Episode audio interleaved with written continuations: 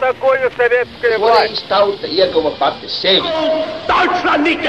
Liktenīgas nejaušības un slēptas likumsakarības, subjektīvas patiesības un objektīvi aizspriedumi.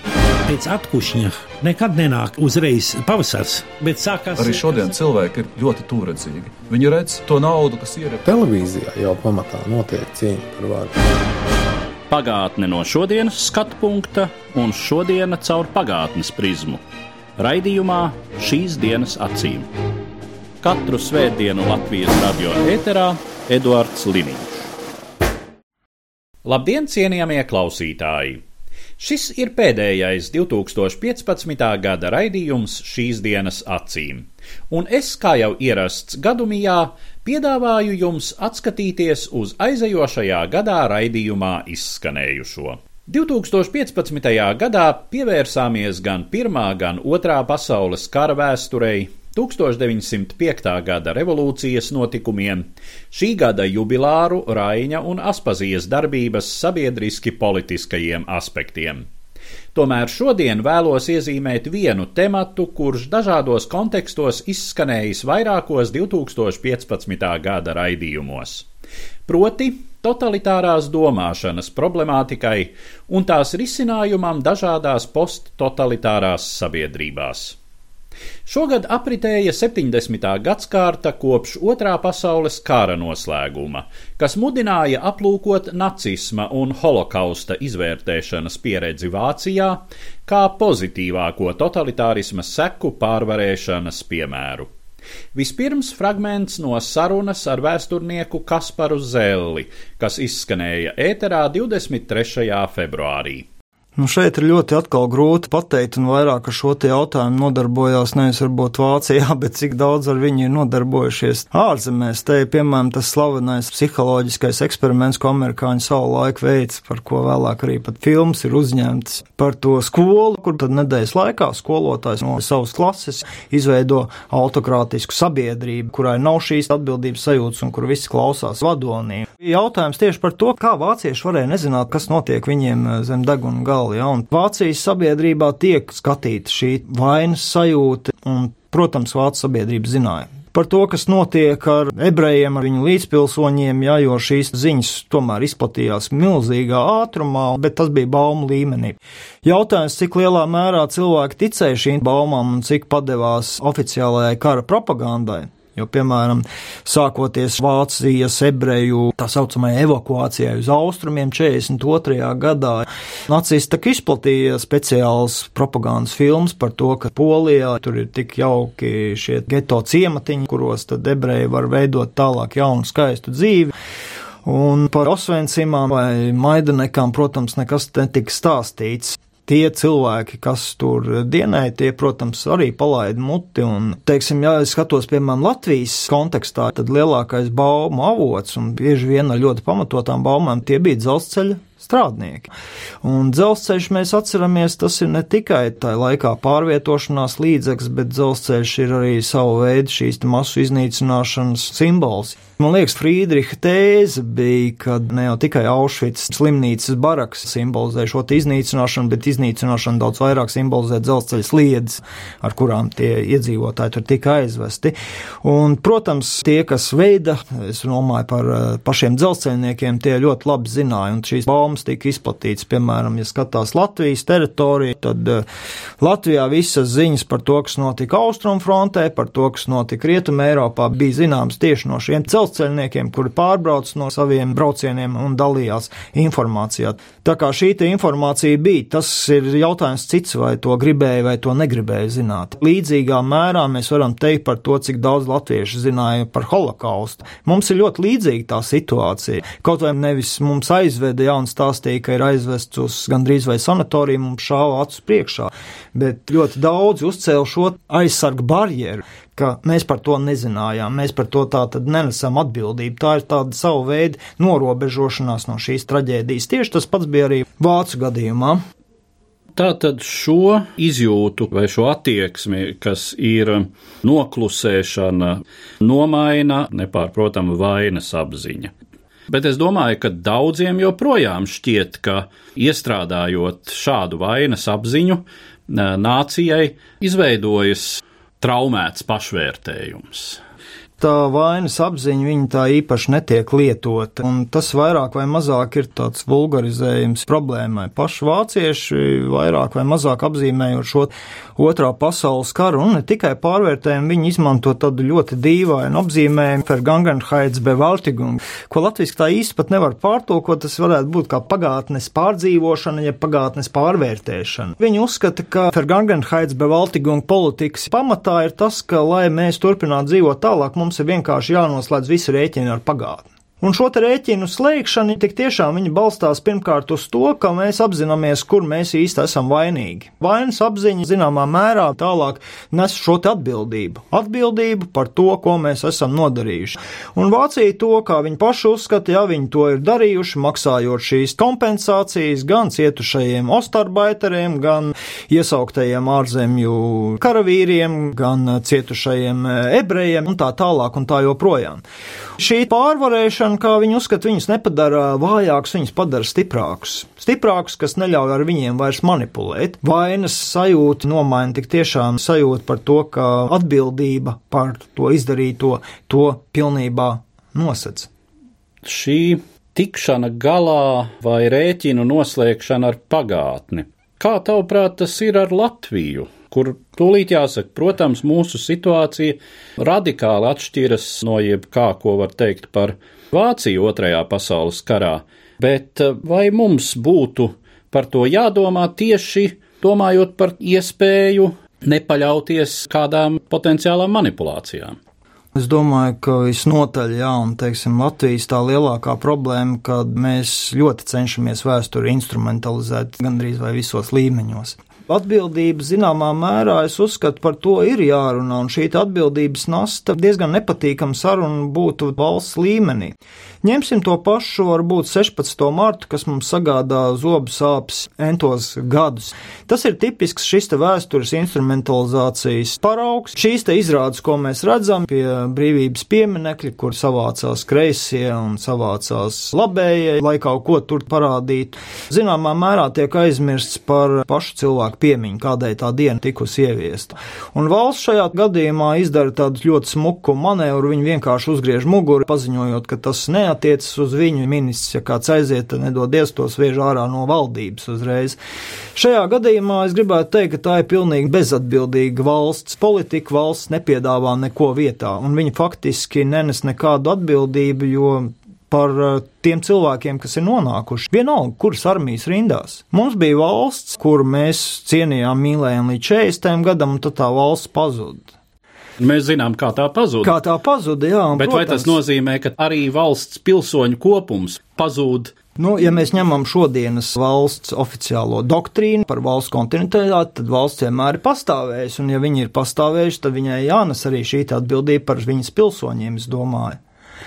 Un šajā gadījumā tieši pa 16. martu es domāju, tik tiešām tā nav jābūt oficiāli svinamai dienai un tā tālāk, bet valsts varētu piedāvāt, vai kāds politisks spēks varētu piedāvāt alternatīvu versiju. Piemēram, tas pats Dresdenes gadījums diezgan labi parāda. Dresdenē vispirms notiek neonacistu gājiens, pēc tam neonacistus bloķē un izkaujās ar viņiem kreisie dilinke, kas ir nemazāk dīvaini cilvēki kā tie otri. Nu, līdzīgi līdzīgi mēs redzam, ka 16. martā tik tiešām. Un tad, piemēram, Vācijas oficiālā, tā bija Dresdens municipalitāte, ja nemaldo šī ierosme. Tiem cilvēkiem, kas tik tiešām vēlas pieminēt, bija nolikt balto rožu akcija kā piemiņa kas sasaistās ar šo mums zināmo Baltās rozes grupu Minhenē, kas cīnījās pret nacistiem, gan arī tāds ļoti emocionāls notikums, kā viena prezidents bombardēšanā izdzīvojusi sieviete. Viņai viss, kas bija saglabājies, bija divi porcelāna šķīvi ar baltām rozēm, un tad vienu no šiem šķīviem viņa uzdāvināja Gernikas pilsētā, jā, un tādējādā veidā tad Baltā roza arī kļūst par Dresdens bombardēšanas upuru piemiņu. Un šeit mums arī jādomā, varbūt, teiksim, 16. martā tas pats ir arī teiksim, ar citiem šādiem kontroversāliem datumiem, kādā veidā tos neinstrumentalizēt, bet tik tiešām padarīt tās par reāli piemiņas dienām no kurām mēs arī kaut ko mācītos, ne tikai izmantot to kā politikas līdzekli. To, ka arī Vācijā nacistiskās pagātnes izvērtēšana nebija viegls un ātrs process, atklāja saruna ar Berlīnes Brīvās Universitātes profesoru, vēsturnieku Johenu Štātu, kas izskanēja ēterā 27. maijā. First of all, I think um, Germans started in East and West to think about the crimes who were done by the Nazi regime. And when this came more and more into public, starting with the Nuremberg trial, and then the years after, starting with Vispirms vācieši Austrumvācijā un Rietumvācijā sāka domāt par nacistu laikā pastrādātajiem noziegumiem, kad šie fakti kļuva zināmi ar vien plašākai sabiedrībai. Sākums bija Nirnbergas tribunāls, tad turpmākajos gados notikušie tiesas procesi pret koncentrācijas nometņu sistēmas vadītājiem, ebreju slepkavotājiem. Tad Rietumvācijā ar vien plašāk izvērtās diskusijas par to, kāda rakstura režīmā vācieši ir dzīvojuši pirms 45. gada. And then very, very influential situation was the um, trial against Eichmann in Jerusalem, what was uh, in world public, uh, broadcasted. Ļoti liela ietekme bija Eichmaņa prāvai Jeruzalemē 1961. gadā. Tiesāšana bija publiska, tā tika translēta televīzijā, par to ziņoja visas avīzes, iznāca slavenā Hannas Ārentes grāmata. Prāva tika plaši un pamatīgi apspriesta, bija pretēji viedokļi, tai sekoja Aušvicas prāva Frankfurtē pie Mainas, vēl vairākas citas prāvas, arī visas publiskas. Manuprāt, tas bija pagrieziena punkts divu iemeslu dēļ. Tie, kuri bija pieauguši jau pirms 45. gada, vairs nevarēja noliegt notikušo. Ilgu laiku daudzi visu mēģināja noliegt, pauda, ka nacistu laikā viss nebūtu nebija tik slikti. Ja vien Hitlers nebūtu tā izrīkojies ar ebrejiem, viņš paliktu vācu vēsturē kā krietnes vīrs. Bet pēc tam, kad tas viss atklājās, kļuva sabiedrībai zināms, tika apspriests, tas kļuva par pagrieziena punktu vecākajai paudzei un arī jaunajai paudzei, jo ģimenēs un skolās līdz tam tas nebija bieži apspriests temats, taču tagad tāds tas kļuva. Jaunākā paudze sāka jautāt saviem vecākiem, kas īsti notika, ko jūs zinājāt.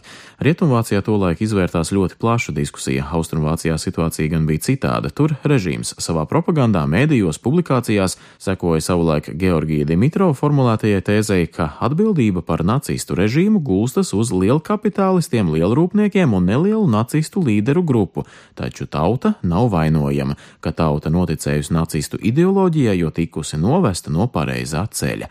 The question, where are all the members of the Nazi party gone?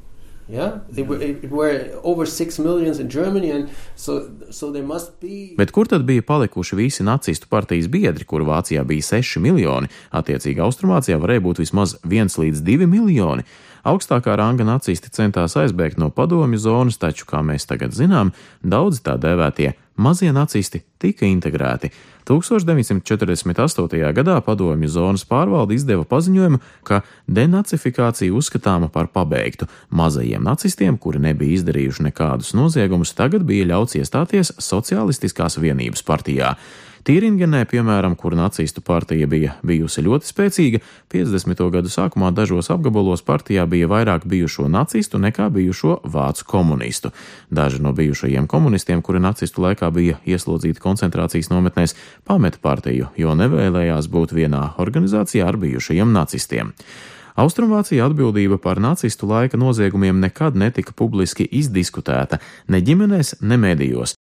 Par attīstību Rietumvācijā 50. gadu beigās un 60. gadu sākumā. Kāda nozīme šajā attīstībā bija vispārējai valsts politiskajai un ekonomiskajai izaugsmei? That was quite important that the average German could say, well, we are successful, we are working hard, we have the economical miracle, uh, we're doing better. A lot of uh, people were quite um, engaged to be more, more and more better Democrats than anyone else in in the Western world. Yeah. Uh, uh, uh Bija diezgan svarīgi, ka ierindas vācietis varēja teikt, mēs esam sekmīga, strādīga tauta, mums ir mūsu ekonomikas brīnums. Arvien vairāk cilvēku saistīja centienu kļūt par rietumu pasaules paraugu demokrātiem. Parādījās jaunas identificēšanās iespējas, piemēram, Rietumvācijas futbola komanda.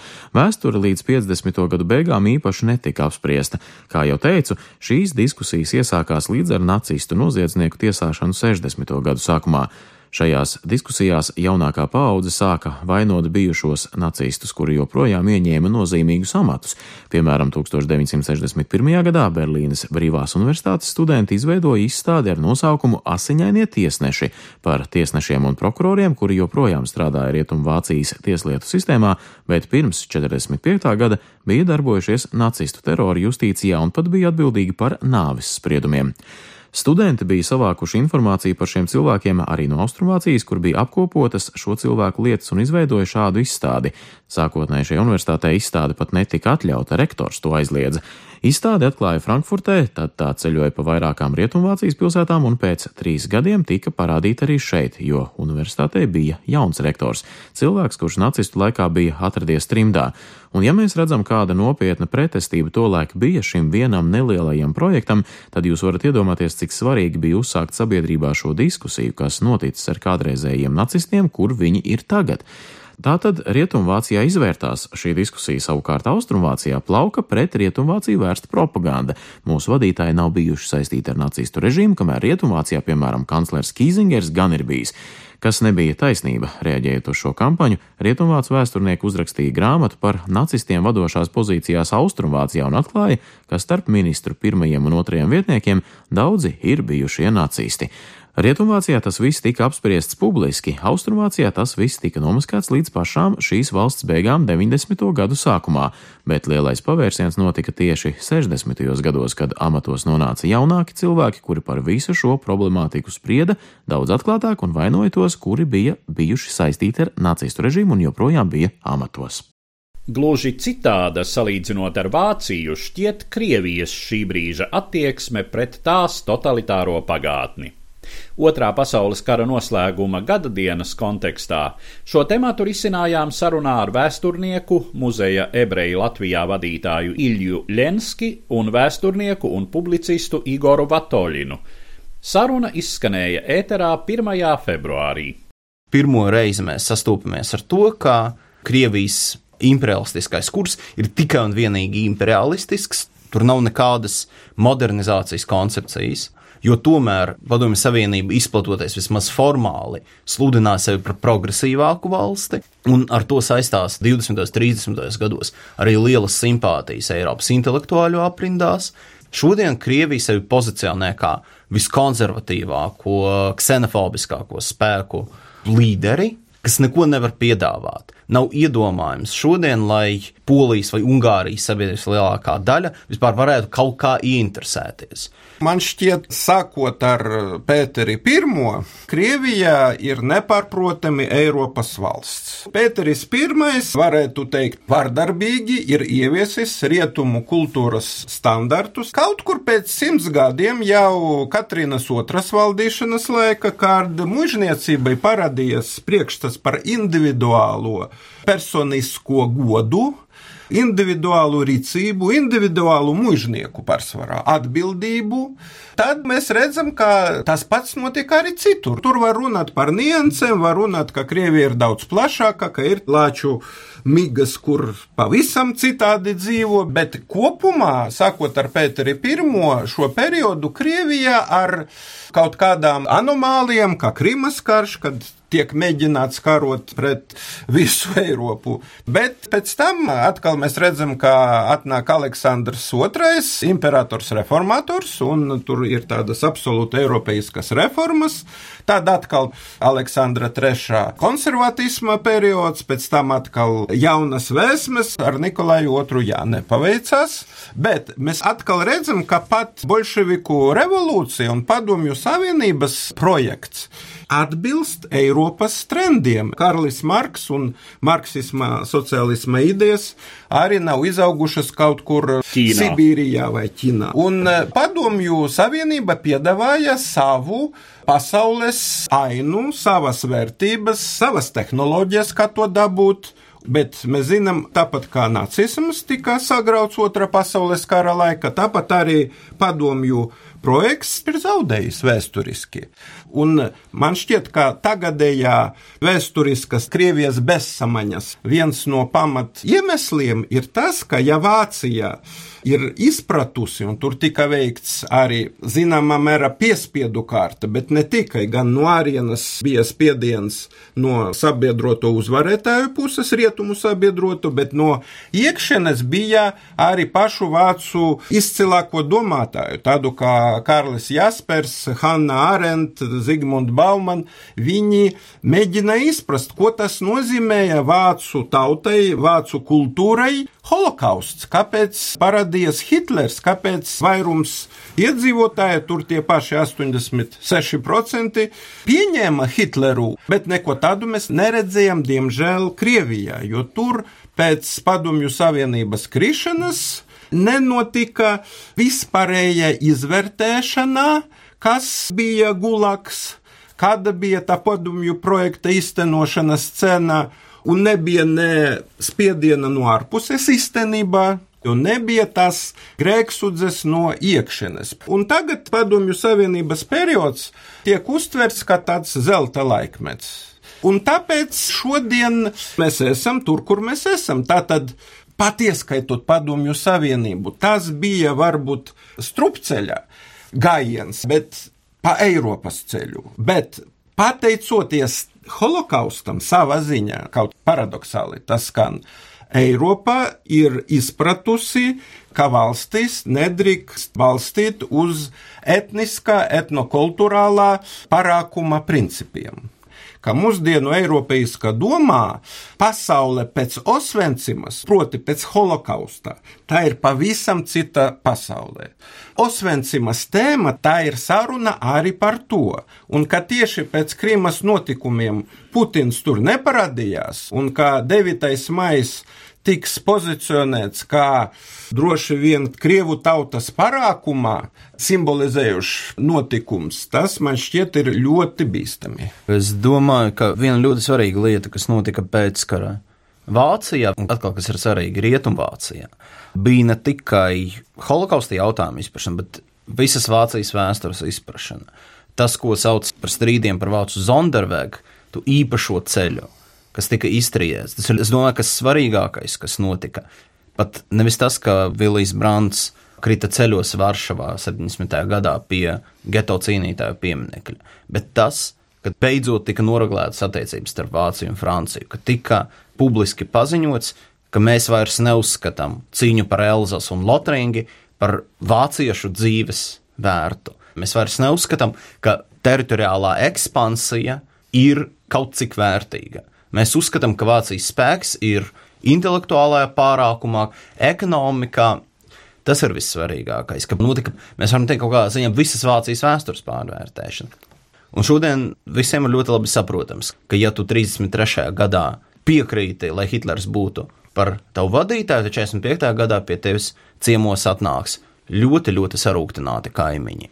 Padomju Savienība sabruka kaut kādā ziņā pati, cilvēki redzēja, kā tā ideoloģija pazūd, bet ar valsti formāli nekas nenotika. Šajā jaunajā pasaulē pēc Osvencimas jebkurī teritoriāliem ekspansīviem gājieniem tika uzlikts strikts tabū.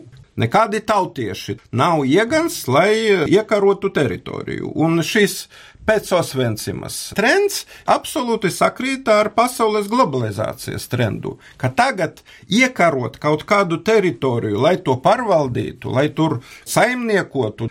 Krīmas pievienošana Krievijai tā ir absolūtais zārks Krīmas turismam, Krīmas ekonomikai nu, un vispār tai infrastruktūrai. Ja turpat uzbūvēs to tiltu vai tuneli savienojot ar pamat Krieviju, tāpēc ka nu, mūsdienās vairs tā nedrīkst rīkoties, jo tas ir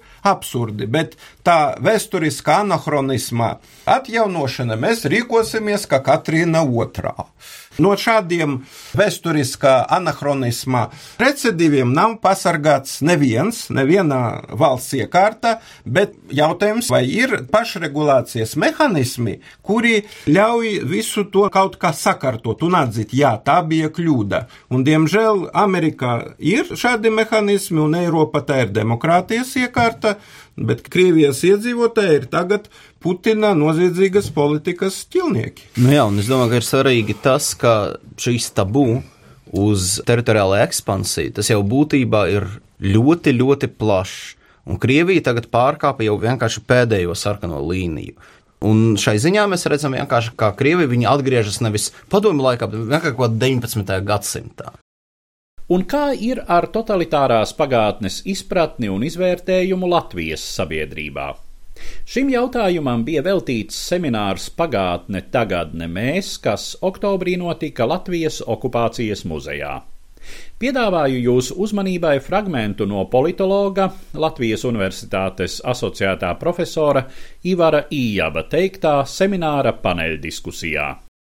Savulaik pastāvēja tā doma, ka pastāv kaut kāds īpašs cilvēku tips, tā sauktais homo sovietikus, kurš atspoguļo pilsonisku pasivitāti, liekulību, bezatbildību un dažādas šādas īpašības. Sociologi mēģināja noskaidrot, vai kaut kas tāds tiešām ir socioloģiski fiksējams, vai pastāv homo sovietikus nevis vienkārši kā retoriska figūra, kur izmantot kaut kādās politiskās diskusijās, bet gan kā reāls socioloģisks tēls. Viņi noskaidroja, ka tāds nepastāv. Ir kaut kādas noteiktas īpašības, kuras ir raksturīgas dažādām sabiedrībām, tā skaitā arī postkomunistiskām sabiedrībām, par kādu droši vien kaut kādā mērā joprojām ir uzskatām Latvija. Tā ir droši vien virkne ar dažādām lietām, kas saistās ar ilgstošu dzīvi. It kā šķietam modernā, bet vienlaikus nedemokrātiskā un antiliberālā sabiedrībā. Pirmkārt, tas ir zinām veidu kolektīvisms un vēl uzskatīt, ka liels bars vienmēr zinās labāk nekā es viens pats kā indivīds. Otrām kārtām Politiskā līdzdalība pati par sevi ir kaut kas tāds, ar ko var nodarboties tikai kaut kādos liekulīgos un sautīgos nolūkos. Es tie, nu, tā kā padomju laikā, tajos pašos 70, 80 gados stāties partijā. Ja, es nevis tāpēc, ka es ticu tam, ka cilvēks mērķis ir komunisms, bet gan tāpēc, ka vienkārši es zinu, ka nu, tad man pavērsies iespēja strādāt, piemēram, vēstures filozofijas fakultātē. Vai par skolas direktoru. Vai par skolas direktoru. Bet arī jautājums, cik liela ir tā atbalsts šīm lietām ja mēs raugāmies uz dažādām sabiedrībām, kas ir gājušas cauri komunisma un padomju sistēmas pieredzē, cik liela ir tā atbalsts.